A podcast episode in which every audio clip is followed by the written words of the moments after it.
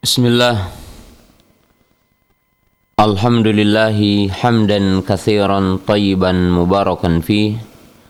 Kama yuhibu wa yardah Ashadu an la illallah wahdahu la sharika Wa ashadu anna muhammadan abduhu wa rasuluh. Wassalatu wassalamu ala rasulillah wa ala alihi wa ashabihi wa man tabi'ahum bi isanin يا أيها الذين آمنوا اتقوا الله حق تقاته ولا تموتن إلا وأنتم مسلمون. اعلموا رحمكم الله فإن خير الحديث كتاب الله وخير الهدي هدي محمد صلى الله عليه وسلم. وشر الأمور محدثاتها وكل محدثة بدعة وكل بدعة ضلالة وكل ضلالة في النار. Kaum muslimin, sahabat Riyadul Jannah di mana saja berada, alhamdulillah pada kesempatan pagi yang berbahagia ini dengan izin dan kudrat dari Allah Subhanahu wa taala, kita dapat bertemu kembali pada kajian pagi di mana kita membahas tentang ahkam hukum-hukum dan kita mengambil pembahasan berkaitan tentang sumber hukum dari hadis-hadis yang telah dikumpulkan oleh Al-Imam Ibnu Hajar rahimahullah taala dalam sebuah kitab yang bernama Bulughul Maram min Adilatil Ahkam. Dan kita telah membahas satu poin yang sangat penting yaitu tentang mandi janabah dan hal-hal yang mewajibkan seorang mukmin untuk mandi. Telah kita bahas poin sangat penting di dalam hal ini di mana kita mengetahui hal yang menyebabkan seorang mukmin wajib mandi yaitu yang dinamakan dengan mandi janabah. Yang pertama adalah khurujul mani yaitu keluar air mani. Yang kedua adalah iltiqa'u al-khitanain atau jima. Dengan sebab jima yang ketiga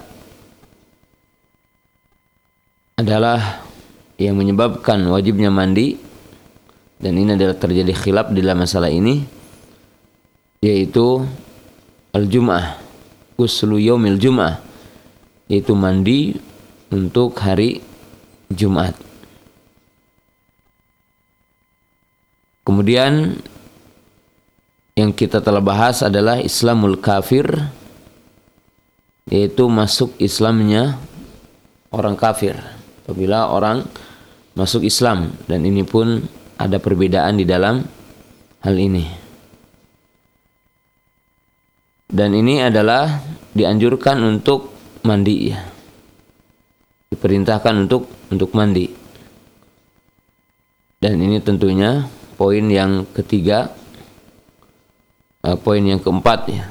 Itu yang pertama kita telah jelaskan keluar air mani. Kemudian yang kedua jima. Yang ketiga adalah mandi pada hari Jumat. Jadi mandi hari Jumat siap yang ingin menunaikan sholat Jumat Kemudian yang keempat adalah masuk Islamnya orang kafir. Walaupun di sini ada tiga pendapat sebagaimana saya jelaskan kemarin. Kemudian yang telah kita jelaskan kemarin adalah tentang orang yang memandikan jenazah, kemudian orang yang mandi, orang yang dibekam. Kalau kita jelaskan bahwa pendapat yang kuat, pendapat yang rojih, orang yang dibekam tidak wajib mandi dan bahkan juga tidak disunahkan untuk mandi karena tidak ada dalil yang sahih yang menunjukkan disyariatkan bagi orang yang telah dibekam untuk mandi.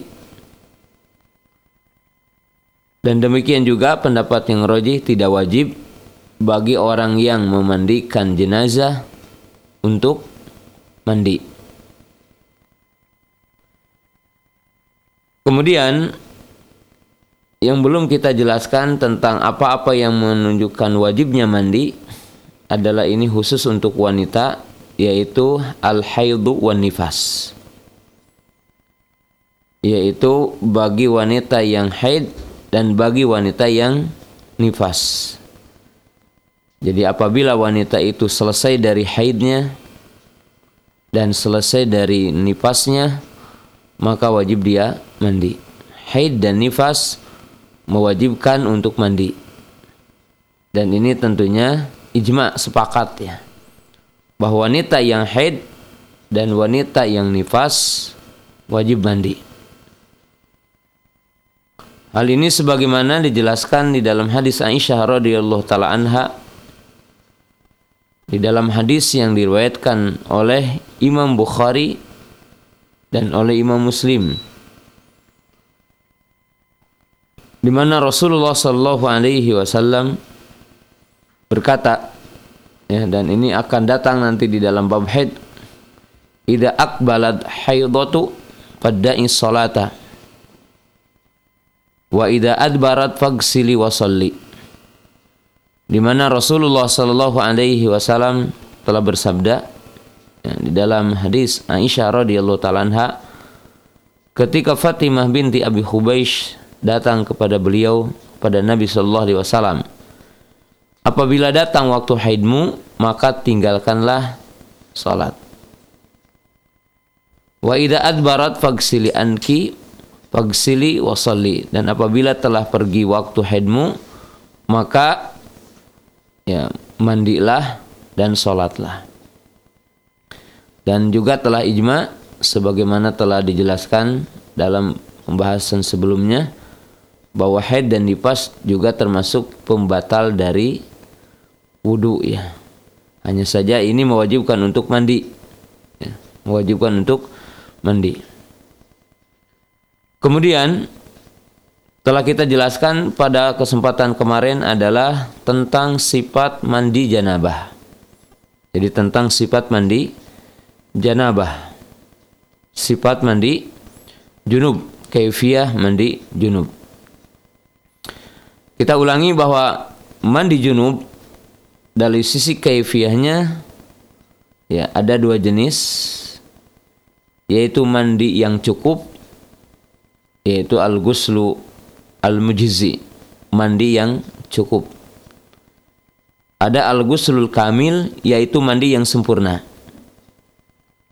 Adapun mandi yang cukup maka dikatakan dan definisinya adalah ifadatul ma ala jami'il jasadi atau jami'il badani. Wa wusuluhu kul ila kulli sya'ri wa basyarah dan yang dimaksud dengan mandi yang cukup adalah di mana orang ya menuangkan air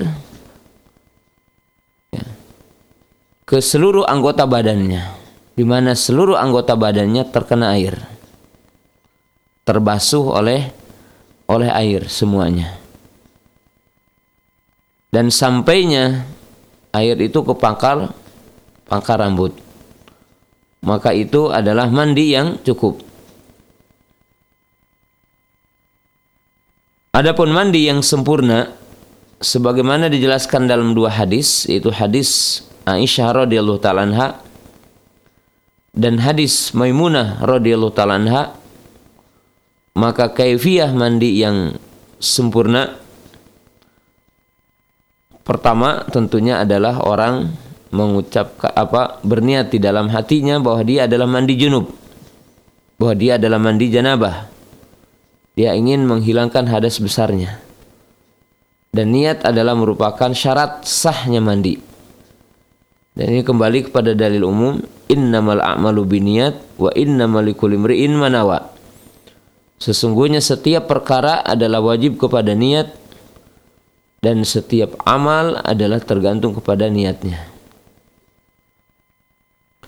Kemudian yang selanjutnya mencuci dua telapak tangan. Jadi mencuci dua telapak tangan. Kemudian yang selanjutnya adalah mengambil air dan mencuci faraj mencuci dakar dengan tangan kirinya. Kemudian dalam satu riwayat bahwasanya Rasulullah sallallahu alaihi wasallam membersihkan tangannya kembali dan menggosokkan tangannya ke dinding lalu beliau mencucinya. Kemudian beliau berwudu seperti wudu untuk sholat. Berarti di situ berkumur-kumur mengisap air ke hidung dengan kaifiah dengan tata cara yang sama ya yaitu berkumur-kumur dan mengisap air ke hidung tiga kali dengan mengambil dengan tangan yang kanan lalu memasukkan ke mulut dan ke hidung. Lalu mengeluarkan dengan tangan kiri. Artinya ketika berintisar ketika uh, mengeluarkan dari hidung dengan tangan kiri sebagaimana disebutkan dalam hadis Ali radhiyallahu taala anhu. Dan ini telah kita bahas dalam bab wudu. Kemudian mencuci muka. Ya dengan kaifiah dengan tata cara yang sama yaitu mencuci muka dengan dua telapak tangan kemudian mensela-sela jenggot ya. Kemudian mencuci kak tangan sampai siku dengan mensela-sela jari-jari dan mendahulukan yang kanan ya, kemudian menggosok hasta kemudian yang kiri seperti itu. Kemudian mengusap kepala. Seperti biasa langsung mengusap kepala satu kali dari depan kemudian ke belakang kemudian memasukkan apa telunjuk ke dalam telinga dan ibu jari mengusap daun telinga. Maka berwudu. Kemudian mencuci kaki itu dalam hadis Aisyah radhiyallahu taala anha. Jadi mencuci kaki sempurna berwudu dengan wudu yang sempurna. Adapun dalam hadis Maimunah sebagaimana kemarin telah dijelaskan yaitu mengakhirkannya. Yaitu mengakhirkan mencuci kaki. Kemudian dalam dua hadis itu sama bahwa Nabi SAW memasukkan tangannya ke buzana dan mengambil air lalu memasukkannya ke pangkar rambut. Jadi memasukkannya ke pangkar rambut. Kemudian Nabi Shallallahu Alaihi Wasallam setelah merasa bahwa masuk ke pangkar rambut, maka beliau jadi kembali menyiramkan atau menuangkan air ke kepalanya tiga kali, ya, dengan tiga kali cedukan atau dengan tiga kali gayung atau dengan tiga gayung ataupun dengan tiga kali cedukan, artinya dengan telapak tangannya beliau menuangkan ataupun menyiramkan ke kepala dengan mulai dari bagian yang kanan yaitu tiga kali yaitu tiga kali kemudian setelah itu menuangkan air ke seluruh anggota badannya. Jadi menyiramkan air ke seluruh anggota badannya. Ya, ke seluruh anggota badannya. Dan di situ tidak ada hadis yang mengatakan tiga atau empat berapa. Mungkin di situ adalah qadril hajah dengan seukuran kebutuhan.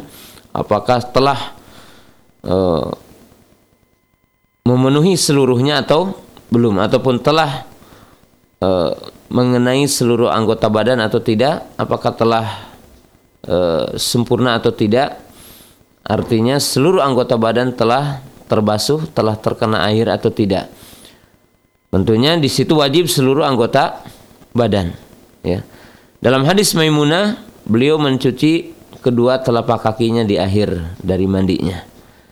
Dan dalam hadis Aisyah radhiyallahu taala anha tidak ya. Karena telah dicuci kakinya tadi.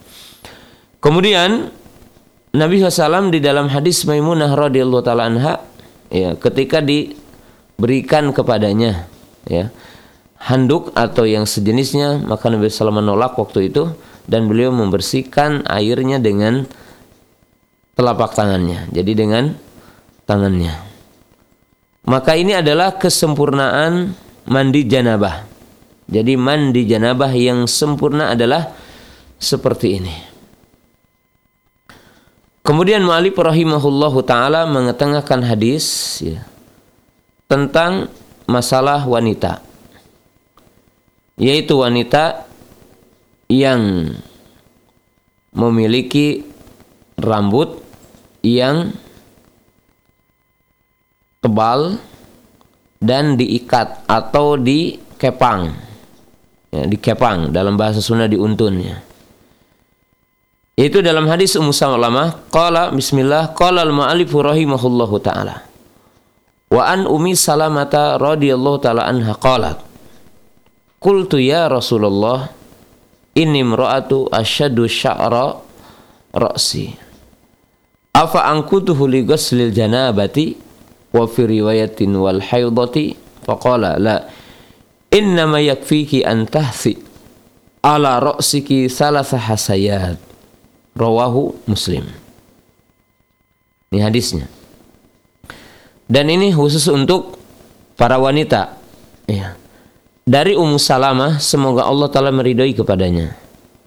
Beliau berkata aku bertanya kepada Rasulullah SAW beliau mengatakan wahai Rasulullah aku adalah wanita yang memiliki rambut yang tebal dan aku mengkepangnya. Jadi aku membuat bofair, membuat untun bahasa Sunda dan dikepang. Dan umumnya dalam hadis-hadis bahwa mereka membuat tiga kepang. Ini tiga tiga kepang. Ya. Jadi mereka memiliki yang dinamakan bufair yaitu kepang yaitu dhafru sya'r. Yaitu di kita itu di di kepang. Dan umumnya para sahabiah itu membuat kepang dengan tiga. Ya. kemudian beliau berkata apakah aku harus membukanya? Jadi harus melepas kepangnya dan harus membukanya untuk mandi janabah. Dalam satu riwayat adalah untuk mandi haid. Maka Nabi SAW mengatakan sebagai ruhsah kepada wanita, la tidak. Innama yakfiki an tahsi ala ra'siki salasa haysayat. Tidak, tetapi cukup bagimu yakni innaka yakfiki an tahsi ala ra'siki salasa hasayat. Tidak, tetapi cukup bagimu untuk menyiramkan atau untuk menuangkan air ke kepalamu dengan tiga kali. Ya, dengan tiga kali menuangkan air ke kepalanya. Ini hadis Ummu Salamah.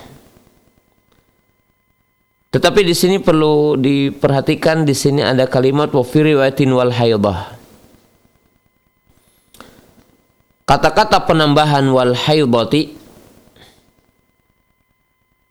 Menurut jumhur ulama muhadis bahwa ini adalah ziyadah dhaifah yaitu penambahan yang dhaif. Jadi penambahan yang dhaif. Karena para ulama muhadis sebagaimana dijelaskan oleh Imam Ibnu Qayyim dan juga para ulama yang lainnya. Seperti ulama hari ini adalah Al-Imam Al-Albani rahimahullahu taala. Bahwa yang benar bahwa yang sahih riwayat ini tanpa tambahan dengan kalimat wal haid. Yaitu haid. Tetapi riwayat ini hanyalah riwayat yang sahih adalah hanyalah yang mandi junub. Nah di dalam hadis ini dan riwayat ya apa? Wal haidati ghairu mahfudhah. Artinya hadisnya adalah tidak sahih atau yang dinamakan oleh para ulama dengan syadah yaitu riwayat syadah riwayat yang syad. Karena para rawi yang meriwayatkan hadis ini kebanyakannya adalah hanya mengatakan minal janabah ligos janabah dari mandi junub saja dan bukan dari mandi karena haid ataupun nipas. Nah, maka hadis ini sebagai dalil bahwa wanita yang memiliki kepang ataupun yang rambutnya tebal lalu dikepang dan menjadi berat apabila mandi harus membuka kepangnya maka tidak mengapa baginya untuk tidak membuka kepangnya dan cukup bagi dia untuk menuangkan air atau menyiramkan air ke kepalanya tiga, tiga kali. Maka cukup baginya. Dan ini adalah pendapat jumhur ulama. Dan ini adalah pendapat jumhur ulama. Jadi pendapat kebanyakan para para ulama. Yaitu dari kalangan ulama Hanafiyah, Malikiyah, Syafi'iyah dan Hanabilah. Bahwa tidak wajib bagi wanita yang junub untuk membuka kefangnya. Akan tetapi pendapat yang roji bahwa bagi wanita yang mandi karena dari head ataupun nifas, jadi apabila seorang wanita, apabila para ibu selesai dari haid dan selesai dari nifas, tentunya ingin menunaikan ibadah-ibadah, sholat dan yang lainnya, maka bagi wanita yang selesai dari haid dan nifas itu menurut pendapat yang roji dan ini juga pendapat jumhur bahwa baginya membuka bafairnya. Jadi membuka apa membuka e, membuka kepangnya. Dan ini dibedakan antara mandi karena judum seperti jima atau keluar air mani dengan mandi dari head dan, dan nipas. Dari mandi head dan, dan nipas. Nah, ini adalah pendapat yang kuat. Karena hadis ini e, pendapat yang roji adalah tanpa riwayat dengan mengatakan minal haid dari dari haid ya. Karena hanya dari mandi junub saja. Jadi bagi para ibu, bagi para wanita itu membedakan antara mandi janabah dengan mandi dari haid dan nipas ya. Kalau mandi haid dan nipas maka wajib untuk membuka kepang. Sedangkan bagi mandi junub maka pendapat yang kuat adalah tidak wajib membuka kepang tetapi cukup menuangkan air atau menyiramkan air ke kepalanya tiga kali. Nah ini adalah berkaitan dengan hukum bagi wanita. Kemudian merupakan adab dan apa yang dilakukan oleh Nabi Shallallahu Alaihi Wasallam yaitu mandi berdua yaitu antar suami dengan dengan istri dan Rasulullah SAW dengan Aisyah radhiyallahu taala anha yang merupakan husnu muamalatihi wa husnu muasyaratihi ma'a zaujatihi. Dan ini merupakan sikap ya bentuk muamalah yang baik bentuk muasyarah. Artinya berkeluarga dengan yang baik bahwa Nabi SAW itu mandi berdua dengan Aisyah radhiyallahu taala anha. Ini sebagaimana jelaskan dalam hadis Aisyah radhiyallahu taala anha dan yang lainnya. Qalat qala al-mu'allifu radhiyallahu qala al-mu'allifu rahimahullahu taala anhu wa anha. Qalat kuntu agtasilu ana wa rasulullah min ina'in wahidin. Takhtalifu aydina fihi minal janabah mutafaqun alaih wa zada ibnu hibban taltaqi Dari Aisyah radhiyallahu taala anha bahwa beliau berkata, keadaanku dan Rasulullah SAW mandi dari satu bezana. Jadi beliau mandi dari satu bezana. Takhtalifu aidina fihi minal janabah. Di mana Nabi sallallahu alaihi wasallam dengan Aisyah radhiyallahu taala anha saling bersenggolan, saling bersentuhan tangan beliau dengan tangan Rasulullah SAW. Ya. Dan dalam satu riwayat bahkan Aisyah radhiyallahu taala mengatakan dakni, dakni. Artinya ini milikku, milikku atau bagianku, bagianku. Dan Rasulullah SAW dengan Aisyah radhiyallahu taala anha bersentuhan tangannya dan saling bertemu tangannya, saling bergesekan, saling bersentuhan. Bahkan Aisyah radhiyallahu taala anha di sini menunjukkan satu kali satu kali ya. Satu kali satu kali beliau dengan Aisyah radhiyallahu taala anha mengambil air. Artinya di sini adalah saling bergantian mengambil air. Dan di sini menunjukkan bahwa Rasulullah SAW dengan Aisyah radhiyallahu taala mengambil air dalam satu bezana. Sehingga diriwayatkan dalam hadis yang lain bahwa Aisyah radhiyallahu taala mengatakan dengan bahasa kita bagianku. Ya, artinya uh, satu kali satu kali.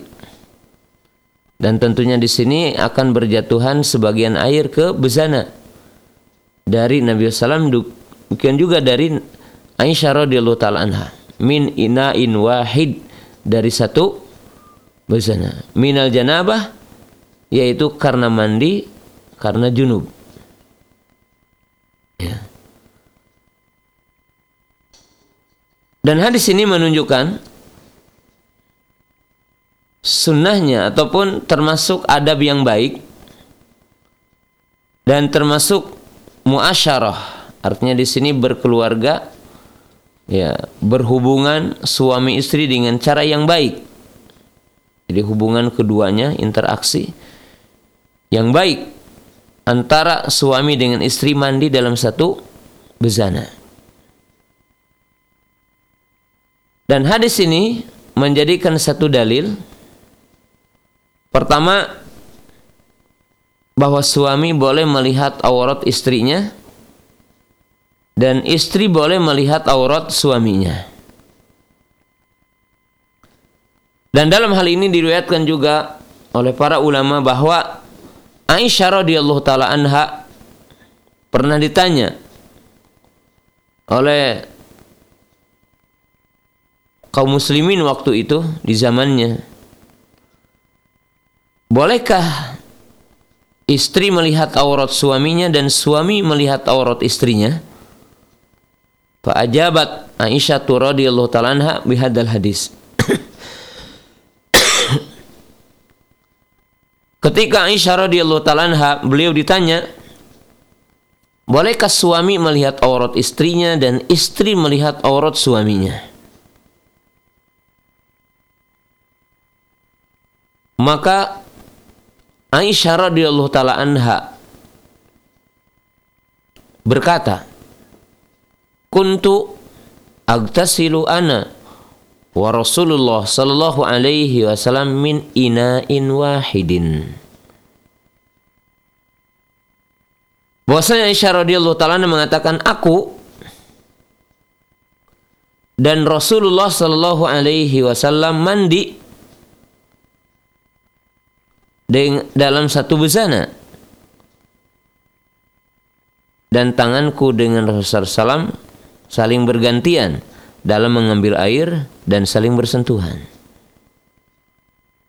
Nah menunjukkan di sini bahwa boleh suami melihat aurat istrinya dan istri boleh melihat aurat suaminya. Oleh sebab itu jamaah yang dirahmati Allah Subhanahu wa taala kaum muslimin sahabat riyadul jannah di mana saja berada, bukan merupakan satu kelebihan orang yang tidak melihat aurat. Sehingga Ali radhiyallahu taala anhu ada di antara kita yang mengatakan karamahullahu wajhah dan tidak mengatakan radhiyallahu taala anhu. Maka ini adalah tentunya satu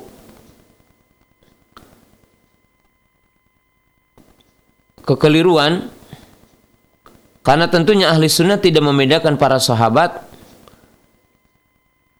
bahwasanya yang diperintahkan bagi kita adalah tarodi yaitu ridha dan kita juga memintakan keridhaan Allah Ta'ala untuk sahabat. Dan ini sebagaimana nas dari Al-Quran.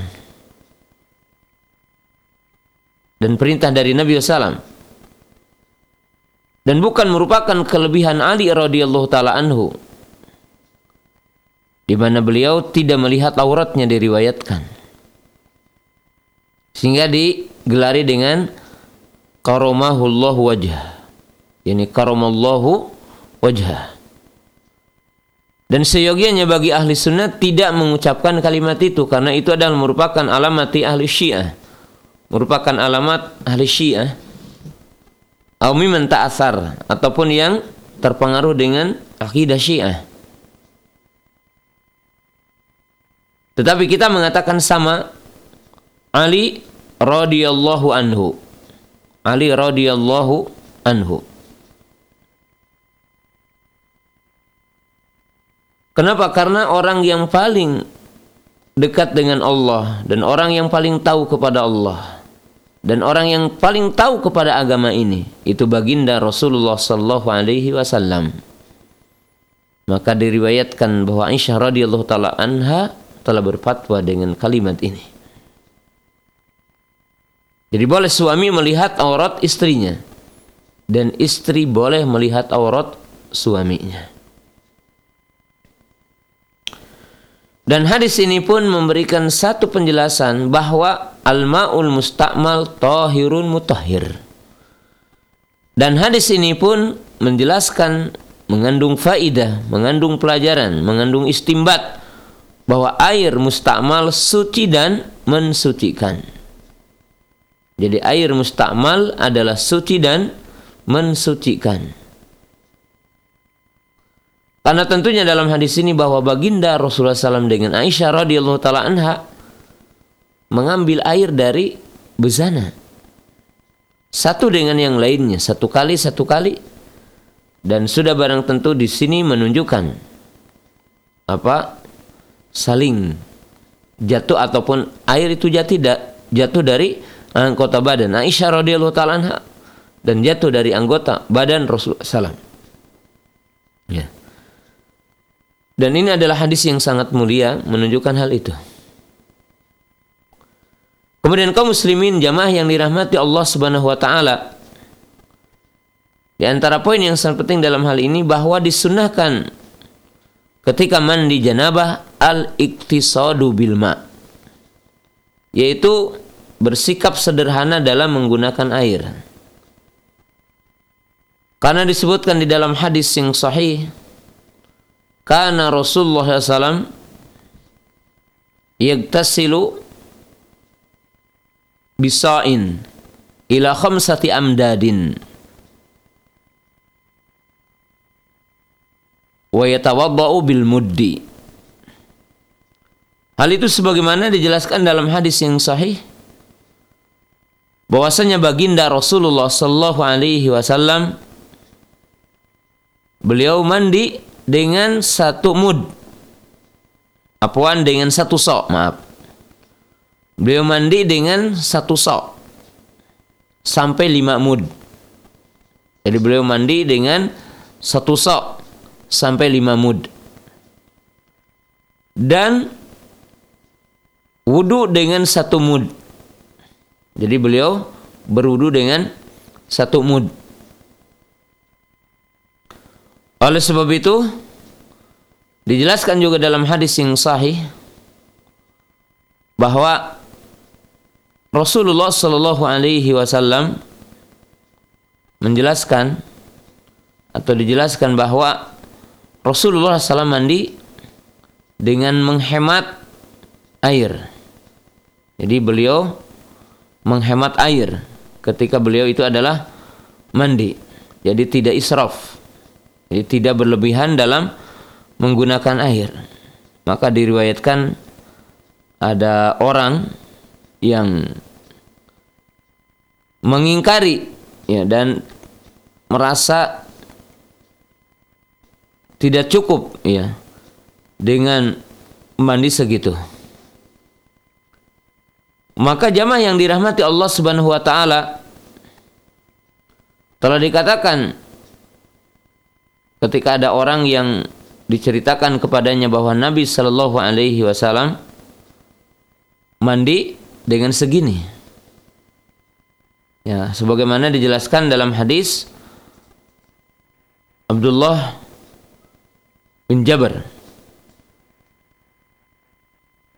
meriwayatkan dari Anas ibnu Malik radhiyallahu taala anhu kana Nabi sallallahu yatawadau bil muddi wa yagtasilu bisa'in ila khamsati amdad bahwa Nabi SAW berwudu dengan satu mud dan mandi dengan satu sa' sampai lima mud. Lalu ada orang yang dikatakan dalam hadis itu mengatakan saya mah tidak cukup katanya. Jadi saya mah tidak tidak cukup. Maka ditegur orang itu, sungguh telah cukup orang yang lebih besar badannya dari kamu dan lebih tebal rambutnya dari kamu. Yang dimaksud adalah baginda Rasulullah Sallallahu Alaihi Wasallam. Jadi baginda Rasulullah Sallallahu Alaihi Wasallam. Jadi di sini menunjukkan jamaah yang dirahmati Allah Subhanahu Wa Taala, ya cukup dengan satu sok sampai lima mud karena satu sok adalah empat mud ya sampai lima lima mud ini menunjukkan bahwa baginda Nabi mandi dengan air yang sedikit ya. Kemudian di dalam bab ini apakah kita wudhu kembali apabila kita telah mandi janabah? Jadi apakah kita diperintahkan untuk wudhu kembali apabila kita telah mandi janabah.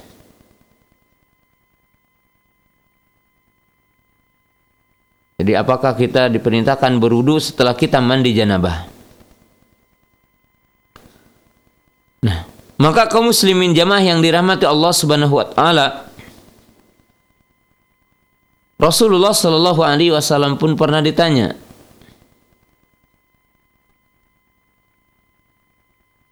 sebagaimana dalam hadis yang sahih. Apakah berwudu karena orang itu telah mandi janabah? Maka Rasulullah Shallallahu Alaihi Wasallam mengatakan dan menyampaikan satu pertanyaan. Mana katanya? Wudhu yang lebih sempurna dari mandi janabah. Menunjukkan di sini bahwa apabila orang telah niat mandi dan telah niat untuk menghilangkan hadas, maka dia telah cukup untuk tidak wudhu.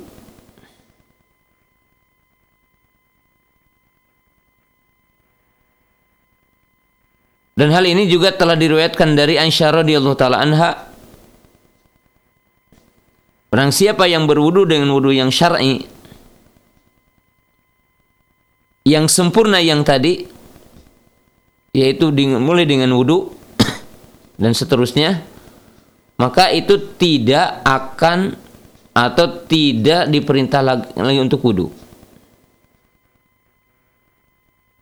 Hal itu sebagaimana disebutkan dalam hadis yang sahih itu hadis Aisyah radhiyallahu taala anha riwayat Imam Abu Daud dengan hadis yang sahih karena Rasulullah la yatawaddau ba'dal ghusli minal janabah. Wa fi riwayatin yagtasilu wa yusalli rakataini wala arahu yuhditsu wudu'an ba'dal ghusli. Hal itu dinyatakan dalam hadis Aisyah radhiyallahu taala dan Rasulullah SAW beliau tidak berwudu setelah uh, tidak berwudu setelah mandi dari janabah. Beliau mandi dan sholat dua rakaat dan aku tidak melihatnya bahwa beliau berwudu dengan wudu yang baru setelah mandi janabah. Waqala Abdullah bin Umar radhiyallahu taala anhu Idza lam tamassa farjahu ba'da an taqdi guslaka fa wudu'in asbagu minal gusli. Apabila kamu tidak menyentuh farajmu setelah engkau selesai dari mandimu, maka wudhu yang mana yang lebih sempurna dari mandi?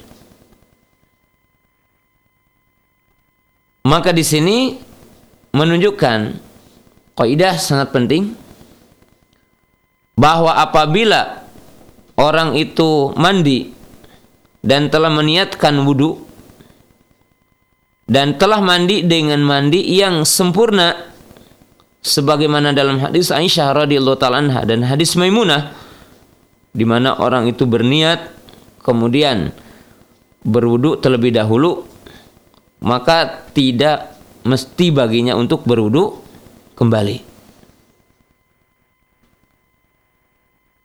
Ya, tidak mesti wudu kembali. Dan telah cukup baginya. Dan telah cukup baginya. Dan telah cukup baginya adalah hadas kecil, hadas besarnya adalah hilang. Akan tetapi ucapan Abdullah bin Umar radhiyallahu taala anhu mengatakan apabila dia tidak menyentuh faradnya. Artinya maksudnya begini, apabila orang setelah mandi lalu dia menyentuh faradnya kembali, maka otomatis dia wajib mandi. Karena kembali kepada pendapat bahwa menyentuh faraj adalah membatalkan wudhu. Menyentuh faraj adalah membatalkan wudhunya. Ya, maka apabila dia mandi lalu dia membersihkan farajnya di akhirnya maka baginya adalah berwudu karena menyentuh faraj adalah uh, membatalkan wudhunya dan tentunya di sini Allah taala alam para ulama juga menjelaskan mesti meniatkan dengan dua niat yaitu niat mandi janabah dan niat wudhu karena kembali kepada kaidah umum innamal a'malu biniyat wa innamal likulli manawa Ya. Kemudian jamaah yang dirahmati Allah Subhanahu wa taala. Dan apabila ada dua sebab untuk mandi, jadi ada dua sebab untuk mandi.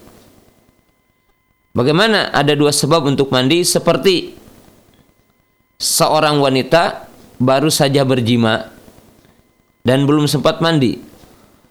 Lalu tiba-tiba dia adalah haid.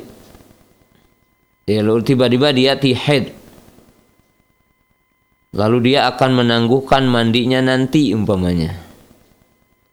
Setelah dia selesai dari headnya maka cukup dengan satu kali mandi ya dan apabila orang itu akan mandi janabah dengan mandi Jumat maka juga boleh baginya untuk mandi dengan satu kali dengan dua kali niat. Dan ini adalah pendapat jumhur ulama. Ini pendapat jumhur ulama.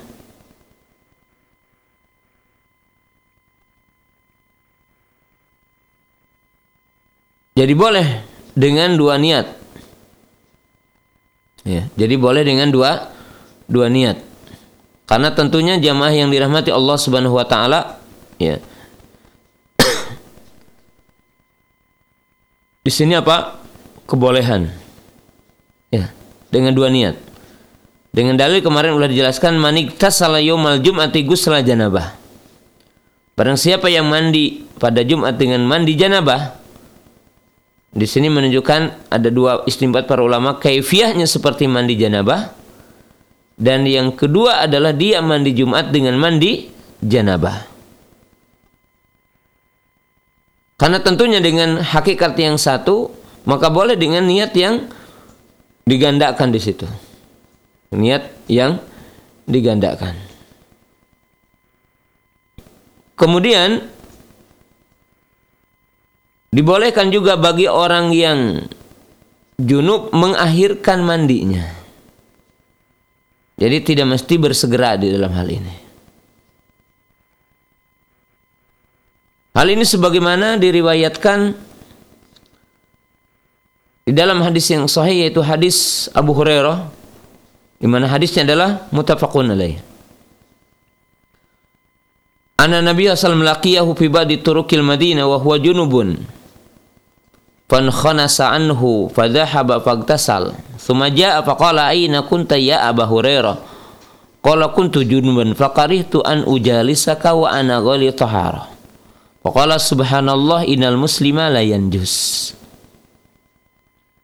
Ini diriwayatkan tentang sikap Abu Hurairah radhiyallahu taala anhu bahwa Nabi SAW menemuinya di satu jalan jalan Madinah sedangkan beliau sedang junub. Maka Abu Hurairah radhiyallahu taala anhu berpaling dan tidak menemuinya dan tidak ikut kepada majelisnya. Lalu beliau mandi di dalam keadaan junub ketemu dengan Nabi SAW. Beliau akan duduk di majelis. Maka Abu Hurairah radhiyallahu taala pergi. Lalu Nabi SAW berkata, "Aina kunta ya Abu Hurairah?" Ke mana kamu wahai Abu Hurairah? Kalau kuntu junuban, maka beliau mengatakan aku dalam keadaan junub. Fakaritu an ujalisaka wa ana ala ghairi taharah. Aku merasa enggan untuk duduk bersamamu, mengambil ilmu darimu, duduk dalam majelismu sedangkan aku dalam keadaan tidak suci. Maka Nabi SAW mengatakan subhanallah. Innal muslim innal muslima la yanjus. Sungguhnya jasad orang muslim itu tidak najis. Tidak tidak najis. Maka Nabi SAW merasa heran. Walaupun sunnah bagi orang yang akan duduk di majelis dalam keadaan suci, baik dari dari hadas besar ataupun hadas kecil. Karena ini juga merupakan amal dari salafus saleh ridwanullahi alaihim bahwasanya mereka itu senantiasa berwudu ya ketika akan mengajar menyampaikan ilmu akan meriwayatkan hadis bahkan akan menulis hadis bahwasanya mereka itu berwudu karena tentu dalam keadaan suci lebih bagus dan lebih dek, apa dekat kepada Allah Subhanahu wa taala maka di sini menunjukkan bahwa boleh orang itu untuk menangguhkan mandi ya jadi kalau orang junub menangguhkan Mandi dari junubnya boleh. Dan boleh juga untuk mandi dari beberapa jima dengan satu kali mandi. Jadi dengan beberapa jima dengan satu kali mandi. Hal ini sebagaimana dijelaskan dalam hadis Anas bin Malik radhiyallahu taala anhu, anna Nabi sallallahu kana yatufu ala nisaihi fi lailatil wahidati wa lahu yawma idin tis'un niswah. Keadaan Nabi SAW beliau datang kepada istrinya semuanya. Artinya mendatangi istrinya semuanya. Dalam satu malam. Jadi beliau berjima mendatangi istrinya dalam satu malam itu. Dan waktu itu beliau memiliki sembilan istri. Nah hadis ini menunjukkan bahwa boleh berjima dengan beberapa kali jima dengan satu kali mandi. Jadi mandi janabahnya cuma satu kali. Jadi cuma satu satu kali. Akan tetapi disunahkan ketika orang itu akan berjima, ya, baginya adalah untuk berwudu di antara dua jimanya itu. Sebagaimana dijelaskan di dalam hadis yang sahih dan ini juga ada dalam kitab ini. Itu dalam kitab Bulughul Maram ini bahwasanya Rasulullah Shallallahu alaihi wasallam ya dijelaskan bahwa Rasulullah Shallallahu Alaihi Wasallam menjelaskan bahwa apabila beliau akan mendatangi istrinya kembali ya, dan akan mengulangi jimanya maka dipisahkan dengan dengan wudhu jadi maka dipisahkan dengan dengan wudhu lalu dikatakan fa inha ansyatul aud karena hal itu akan memberikan motivasi kembali atau akan memberikan kekuatan kembali ya. Jadi akan memberikan kekuatan kembali bagi orang yang akan menjima kembali istrinya. Jadi ini adalah juga bagian dari dari sunnah ya. Ataupun bagian dari apa yang diajarkan oleh Nabi Sallam itu dalam hadis Abi Sa'id Al Khudri radhiyallahu taala anhu ya. Dan ini hadis sebutkan dalam riwayat Muslim. Idza ata ahlahu thumma arada an yauda falyatawadda bainahu huma wudu'an. Rawahu Muslim wa zada al hakim fa innahu anshatu lil aud. Bahwa Nabi SAW mengatakan apabila salah seorang di antara kamu datangi istrinya lalu ingin mengulangi kembali maka berwudulah di antara keduanya ataupun pisahkan di antara keduanya dengan wudu karena sesungguhnya itu adalah lebih memberikan kekuatan kembali. Jadi di sini adalah termasuk sunnah bagi seseorang yang akan mengulangi jima untuk di untuk berwudu di antara keduanya. Nah, kemudian disunahkan bagi orang yang akan tidur dari jima, artinya orang itu telah jima dan ingin tidur. Ya.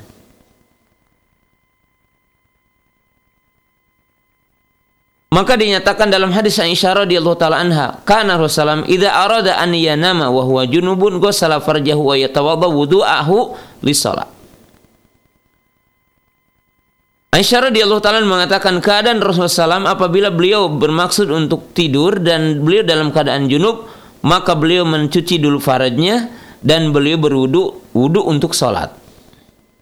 Jadi kaum muslimin jamaah yang dirahmati Allah taala, sahabat ridul jannah yang dirahmati Allah Allah Subhanahu wa taala, maka disunnahkan bagi orang yang dalam keadaan junub ketika ia akan tidur maka dia mencuci farajnya dan berwudu berwudunya untuk sholat. Dan ini sunnah tidak wajib. Akan tetapi apabila dia mandi lebih abdal jadi apabila mandi sebelum tidur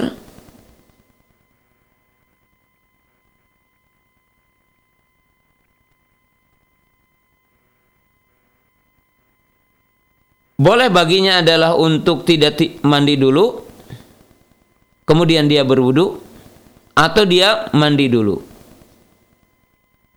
Hal ini sebagaimana dijelaskan dalam hadis yang lain, yaitu hadis Abdullah ibnu Qais. Kaifakana yasna'u Nabi Sallam fil janabah.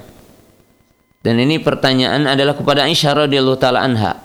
Jadi Abdullah bin Qais bertanya kepada Aisyah radhiyallahu taala anha. Qala akana kaifa kana yasna'u Nabi sallam fil janabah? Apa yang dilakukan oleh Nabi sallam dalam janabah? Akana yaktasilu qabla an yanama au am yanamu qabla an yaktasila? Apakah Nabi sallam itu mandi sebelum tidur atau tidur sebelum mandi? Faqalat kullu dzalika qad yaf'al semuanya itu telah dilakukan oleh Nabi SAW. Artinya terkadang beliau mandi terlebih dahulu, terkadang tidak mandi. Artinya mengakhirkan mandi janabahnya. Warubama iktasala fanama, warubama tawadhu'a fanama. Wa qala alhamdulilladzi ja'ala fil amri si'ah. Maka beliau mengatakan terkadang beliau mandi sebelum tidur, terkadang beliau tidur kemudian belum mandi dan beliau berwudu. Maka beliau mengatakan, Alhamdulillah, segala puji bagi Allah yang telah menjadikan dalam agama ini, dalam urusan ini adalah keluasan. Maka jamaah yang dirahmati Allah Subhanahu wa taala ini adalah termasuk adab. Ya, termasuk adab. Ya. Bahwa bagi orang yang sedang dalam keadaan junub, bagi orang yang sedang dalam junub, maka disunahkan ketika akan tidur adalah untuk berwudu terlebih dahulu. Jadi disunahkan untuk berwudu terlebih dahulu. Ya. Kalau tidak mandi maka dia adalah berwudu terlebih dahulu dan ini tentunya hukumnya adalah sunnah. Nah, kemudian pembahasan yang terakhir ya sunnah-sunnah mandi. Artinya di sini yang dimaksud adalah mandi yang hukumnya sunnah. Itu al-agsal al-mustahabah, mandi-mandi yang sunnah. Artinya di sini disunahkan untuk mandi dari apa saja dan tidak wajib. Yang pertama adalah lil idain, yaitu mandi untuk dua hari raya. Jadi mandi untuk dua hari raya dan ini hukumnya ijma. Adapun mandi untuk dua hari raya maka diambil dari hadis yang sahih bahwa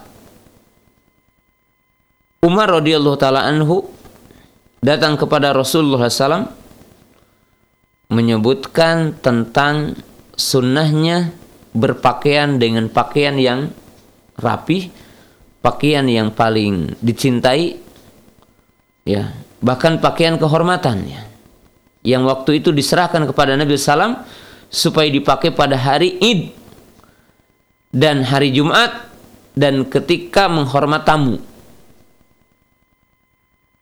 Hanya saja yang diserahkan waktu itu adalah sutra, maka Nabi Sallam mengatakan bukan ini katanya.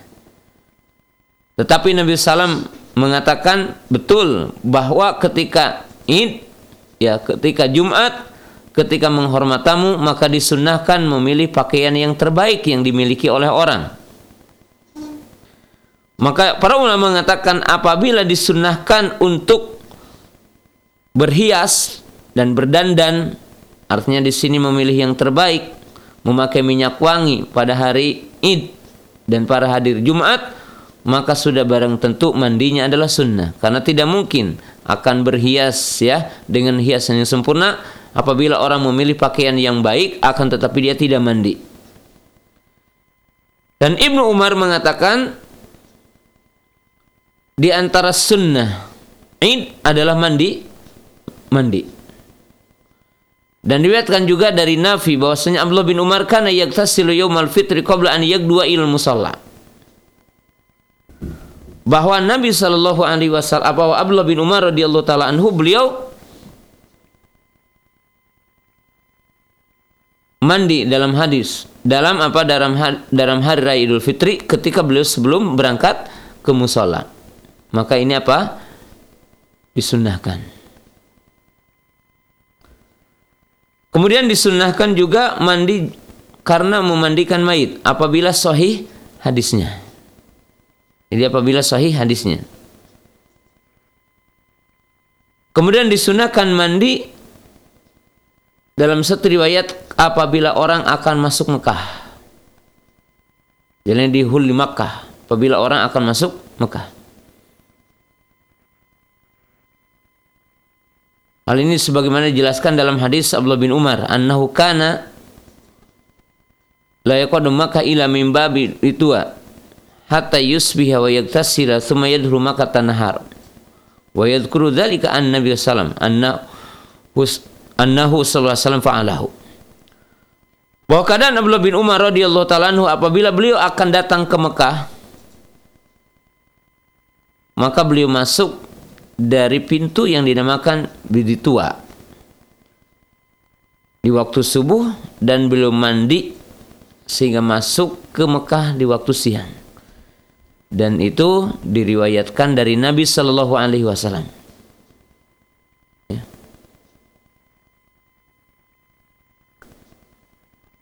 Kemudian disunahkan mandi karena orang itu telah pingsan.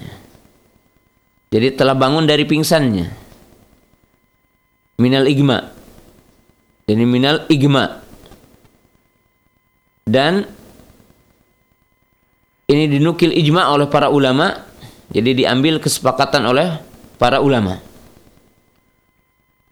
Kemudian bagi yang akan ihram, baik ihram untuk haji ataupun ihram untuk umrah. Hal itu sebagaimana dijelaskan dalam hadis yang sahih, yaitu hadis Zaid bin Thabit annahu ra'a Nabi sallam tajarrada li ihlalihi waqtasal. Bahwa beliau melihat Nabi sallam itu membuka kainnya semuanya untuk di sini memulai ihramnya dan belum mandi. Jadi orang yang akan berihram maka harus melepas bajunya dan mengganti dengan kain ihram dan disunahkan untuk untuk mandi.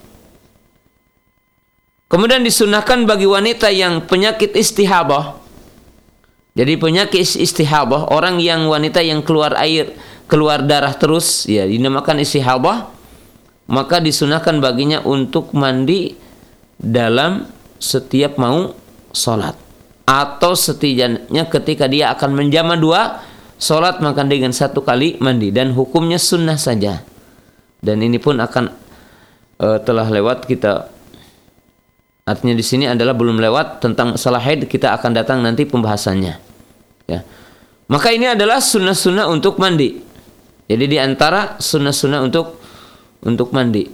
Jadi disunahkan untuk mandi bagi setiap wanita yang punya penyakit istihadah dan untuk apa? Untuk mandi dalam setiap salat. Dan tentunya juga disunahkan bagi orang yang akan yang jima ya kemudian akan mengulangi jimanya lalu dia itu memisahkan antara jimanya dengan mandi maka juga hukumnya sunnah.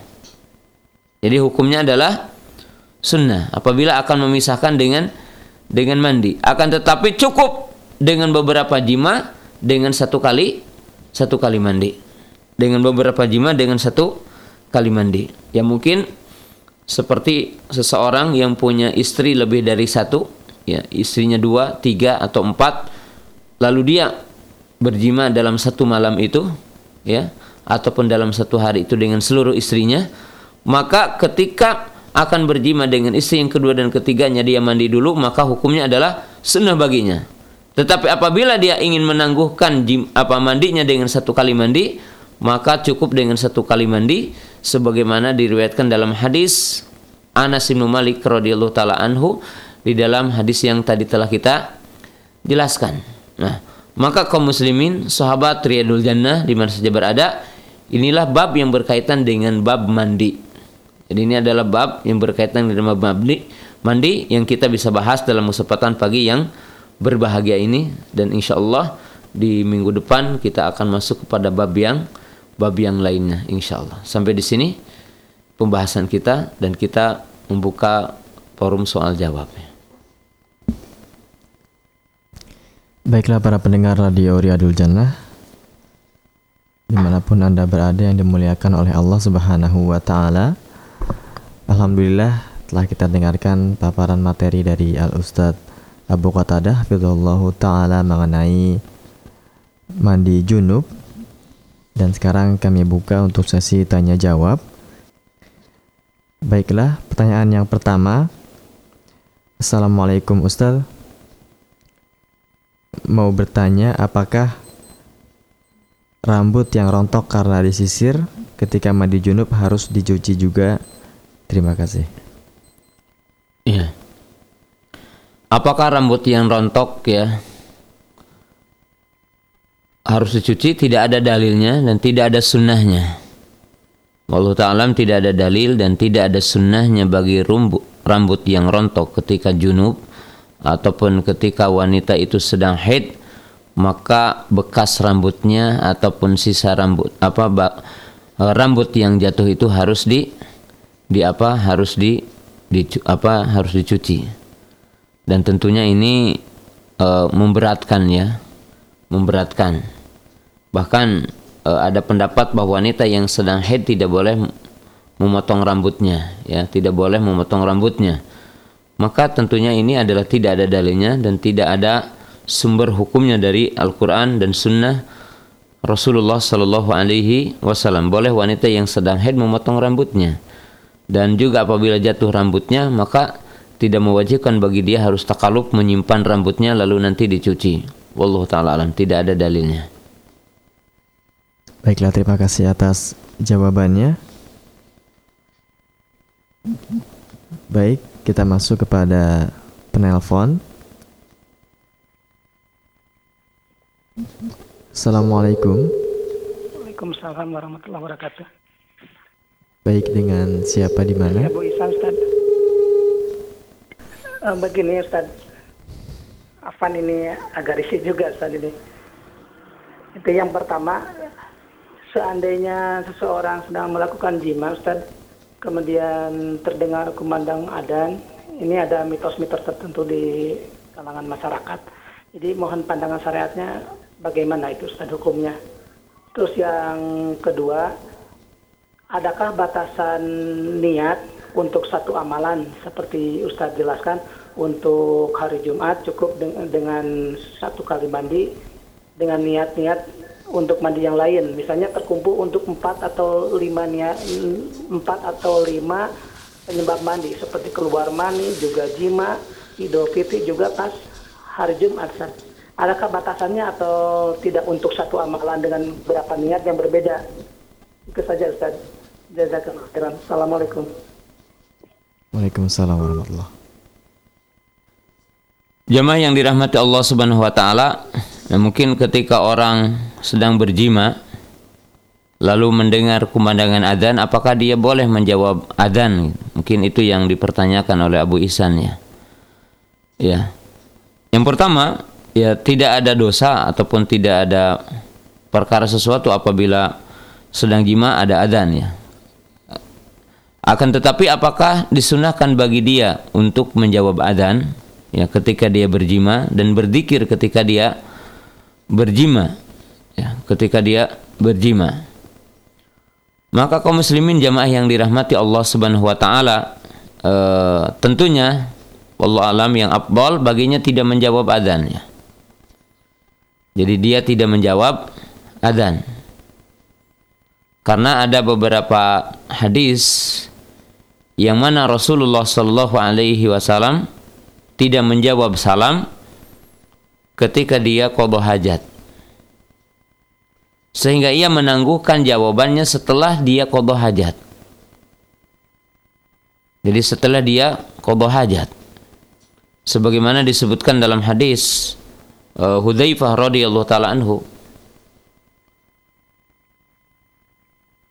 dan hadis yang lainnya bahwasanya beliau sedang berada di satu pembuangan sampah satu kaum dan beliau sedang berdiri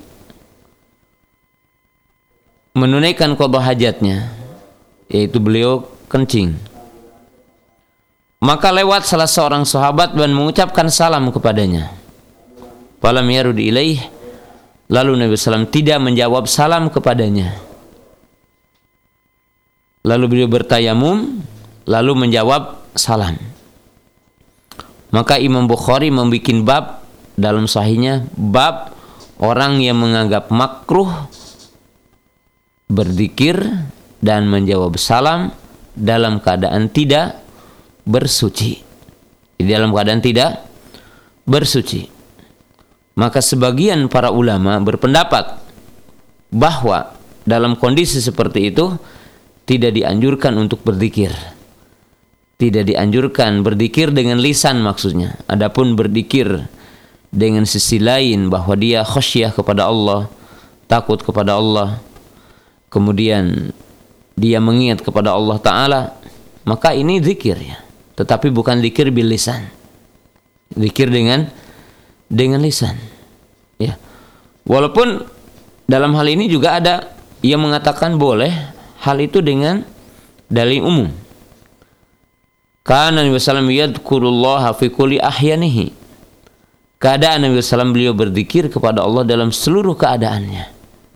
Sehingga dikatakan di sini walaupun dalam keadaan tidak bersuci. Tetapi pendapat yang rajih Allah taala alam tidak seyogianya dalam seperti itu orang menjawab adzan sehingga ia menunaikan hajatnya lalu setelah itu menjawab adzan. Ya.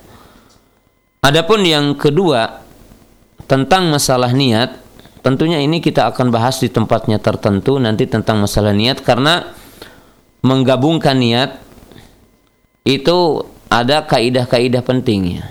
Menggabungkan niat ya. Kapan boleh bergabung niat?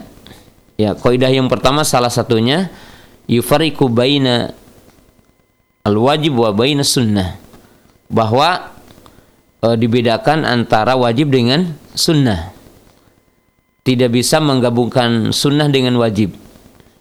Jadi tidak bisa menggabungkan sunnah dengan wajib seperti orang akan mengkodok puasa sunnah dengan niat puasa apa akan mengkodok puasa wajib maaf dengan puasa sunnah seperti orang kodok dari puasa Ramadan yang dia belum selesai karena dia sakit umpamanya lalu akan niat juga dengan puasa Senin ataupun Kamis atau puasa Arafah umpamanya maka itu tidak boleh.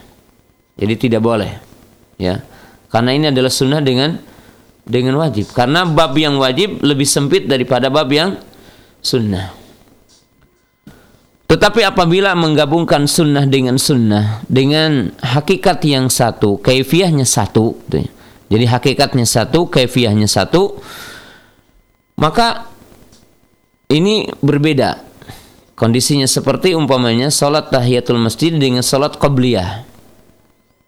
Jadi apabila orang masuk masjid dan telah dikumandangkan azan dan di antara azan dengan iqomah tentunya maka dia cukup sholat satu kali dan akan mendapatkan dua pahala yaitu sholat tahiyatul masjid dan sholat qobliyah. Karena tidak ada riwayat bahwa Nabi SAW itu ataupun mungkin para sahabat sholat dua kali. Sholat untuk tahiyatul masjid kemudian setelah itu sholat untuk qobliyah. Maka cukup. Ya. Seperti tadi bahwa mandinya sama saja mandi junub ataupun mandi uh, Jumat kaifiahnya sama, hakikatnya sama mandi. Dan menghilangkan hadas dan kedua-duanya adalah menghilangkan hadas. Maka cukup ya. Satu kali apa? Mandi. Ya. Satu kali apa? Mandi. Tetapi kaidahnya tentunya kita akan bahas di tempatnya karena tidak semudah apa yang uh, tadi ya batasannya. Ya jumlahnya ya seperti tadi apa? Mandi Jumat, kemudian mandi janabah, kemudian umpamanya mandi Id. Salat Id. Apabila hari itu adalah Idnya pada hari Jumat. Jadi Idnya adalah pada hari hari Jumat. Maka tentunya jamaah yang dirahmati Allah Subhanahu wa taala ini ada fasal. Jadi ada pemisahan antara sholat pagi kemudian sholat Jumat. Karena sholat Jumat itu e, tentunya akan ada poin yang lain apabila orang itu telah berinteraksi kembali lalu dia akan sholat Jumat maka disunahkan kembali ataupun disyariatkan kembali untuk mandi mandi Jumat karena di situ adalah berkaitan dengan mana lain man atal Jumata barang siapa yang datang Jumat paliyaktasil maka dia mandilah jadi di sini adalah berbeda. Wallahu taala alam. Baiklah, terima kasih kepada Al Ustadz atas jawabannya. Kemudian pertanyaan terakhir dari Abu Zidan di Manonjaya. Assalamualaikum Ustadz. Saya ingin bertanya dua hal. Yang pertama, apakah mandi junub mengharuskan kita untuk mencuci lubang dubur lubang dubur juga dan yang kedua apakah dengan memegang lubang dubur wudhu kita batal atau tidak terima kasih ya membersihkan dubur ya kalau itu tidak ada hubungannya kita tidak kodoh hajat buang air besar ya tidak ada kewajiban untuk membersihkan dubur ya tidak ada kewajiban untuk membersihkan dubur. Kecuali apabila kita qadha hajat. Ya. Kalau kita tidak mesti membersihkan. Dan memegang dubur tidak membatalkan wudhu. Apabila menyentuh najis tidak batal wudhu, tetapi wajib dicuci. Jadi menyentuh najis, menyentuh kubul dengan dubur tidak tidak mewajibkan mandi. Ya. Kalau menyentuh dakar iya, ya. Tapi menyentuh najis tidak membatalkan wudhu. menyentuh dubur tidak membatalkan wudhu. Ya, tidak membatalkan wudhu.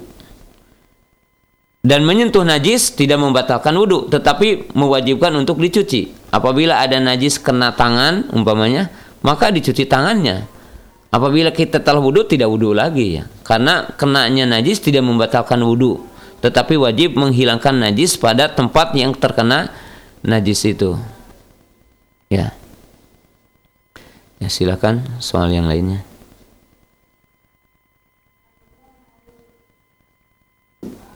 Baik, itu selanjutnya kita buka dari penelpon.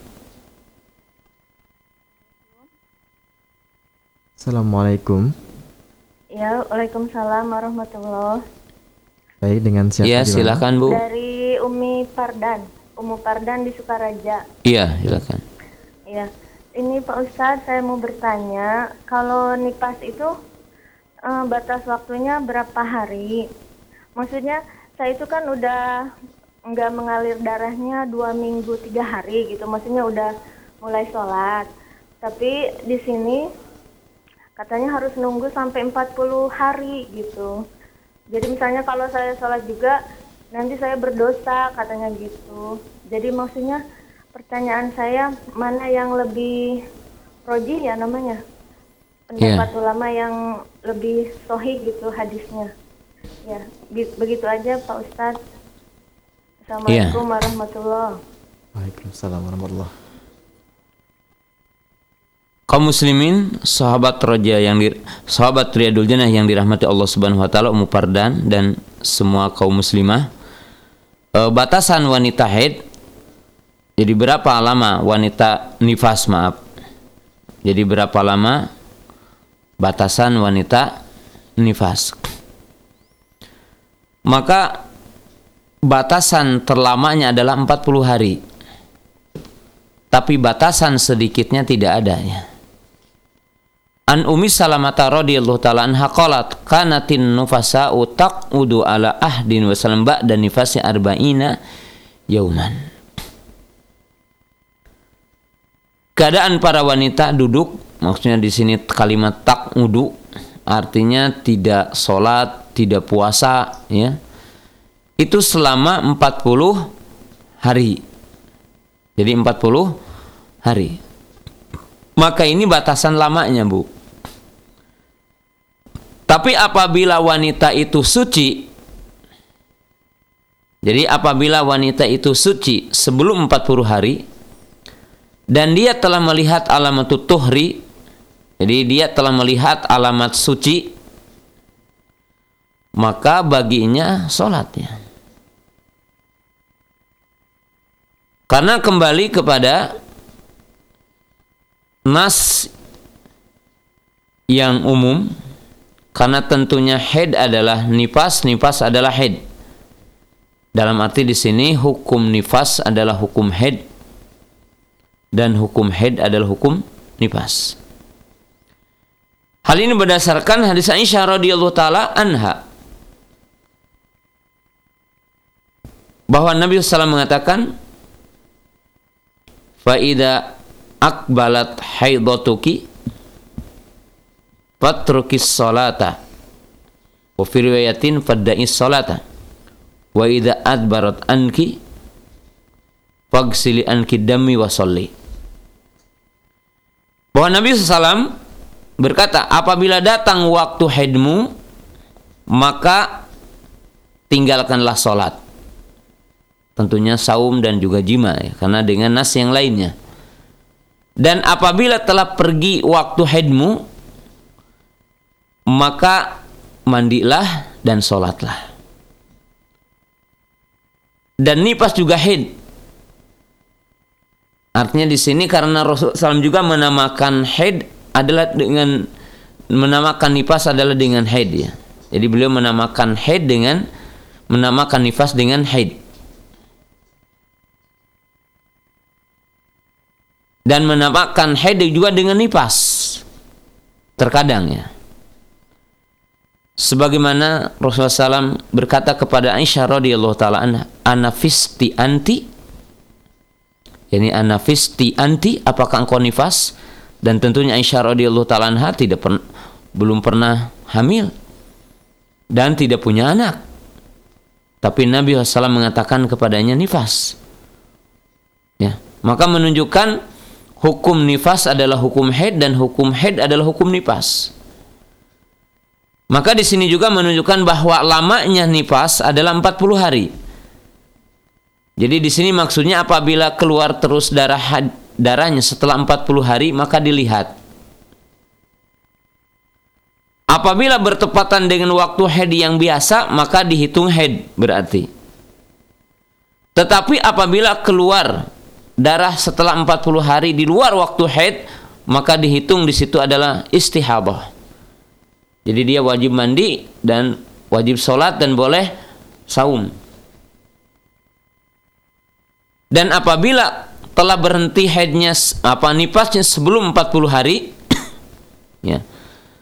Sebelum 40 hari maka baginya mandi. Karena tidak adanya haid tidak ada hukum nipas baginya. Ya. Karena tentunya Allah berfirman yas'alunaka anil mahid kul huwa adza fa'tazilu nisaa fil mahid. Artinya di sini waktu keluar darah. Kalau udah tidak keluar darah, maka baginya adalah mandi dan baginya adalah sholat dan baginya adalah puasa kalau itu adalah puasa dan boleh baginya berjima. Kemudian juga kaidah umum al hukmu yaduru ma'al illah hukum adalah berada kepada illah. Ilahnya haid ataupun nifas adanya darah. Kalau udah tidak ada darahnya maka tidak dinamakan nifas dan tidak dinamakan haid. Bagaimana wanita yang tidak ada darahnya, yang tidak keluar darahnya, maka dikatakan nifas dan bagaimana juga dikatakan haid. Hanya saja 40 hari itu batasan terlamanya gitu. Jadi kalau keluar lebih dari 40 hari maka dinamakan istihadah gitu kan. Kalau 40 hari maka dinamakan dengan dengan nifas. Tetapi kalau bersih sebelum 40 hari dan telah bersih dan telah hilang darahnya dan telah melihat alamat suci di mana alamat suci kita akan jelaskan nanti dalam bab haid di mana alamat suci yaitu ada dua yang pertama melihat kusatul bayda yaitu cairan putih dan yang kedua adalah melihat ketika hirkoh ataupun mungkin kain kapas dan semisalnya kain kasa dan semisalnya ataupun mungkin apa saja dimasukkan kepada perempuan ya kemudian dikeluarkan tidak ada sesuatu kembali ya tidak ada bercakan darah maka berarti telah suci. Dan dikala itu wajib mandi dan dikala itu wajib sholat setelah mandi tentunya setelah mandi janabah ataupun setelah mandi e, dari headnya itu kemudian dia boleh puasa dan setelah itu juga boleh dia berjima kembali dengan suaminya. Nah itu jawabannya. Baiklah pertanyaan selanjutnya dari pesan singkat. Assalamualaikum Ustadz Apakah seorang yang junub dibolehkan untuk sholat sunnah Misalnya seperti sholat sunnah tahajud dan sebagainya. Terima kasih. Subhanallah ya. Wanita siapa pun yang junub ya tidak boleh. Sholat kan wajib. Tohar baik sholat wajib ataupun sholat sunnah ya, ya. Jadi sholat baik sholat wajib ataupun sholat sunnah wajib toharoh wajib bersuci maka orang yang sedang junub ya tidak boleh sholat. Baik sholat wajib ataupun sholat sunnah. Bahkan dalam hal ini apabila ada orang yang mengatakan boleh sholat ya atau sah sholat bagi yang tidak bersuci bahwa kufrun waridatun an dinil islam. Karena hada inkari ma huwa mahkumun bidharurah min dinil Islam. Apabila ada orang yang mengatakan sah salat tanpa bersuci, tanpa wudhu, dan boleh salat bagi orang yang dalam keadaan junub, bahkan ini dihukumi riddah andin Islam, kafir keluar dari Islam. Kenapa? Karena mengingkari perkara yang jelas dalam Islam. Jadi mengingkari perkara yang jelas dalam Islam kecuali karena tidak tahu seperti mungkin dari pertanyaan ini. Mudah-mudahan penanya ya tentunya dan seluruh kaum muslimin memiliki kesemangatan belajar Islam ya. Belajar tentang syariat Islam. Karena bersuci adalah syarat sahnya salat. Bahkan para ulama mengatakan bersuci adalah di antara perkara yang paling syarat di antara seluruh syarat. Ya, di antara syarat di antara yang paling syarat ya. Bersuci itu. Jadi baik sholat sunnah ataupun sholat wajib, wajib bersuci. Ya. Layak bolullahu salata ahadikum ida ahdatha hatta yatawadha. Ya Allah Ta'ala tidak menerima sholat salah seorang di antara kamu apabila dia berhadas sehingga dia berwudu. Ya. Itu mungkin jawabannya dan sangat penting di sini karena bahaya ya kalau orang mengatakan sah sholat tanpa bersuci, sah sholat tanpa berwudu, sah sholat bagi orang yang sedang junub. Nah ini bahaya ya karena mengingkari uh, hukum Islam yang udah jelas ya dan disepakati oleh kaum muslimin.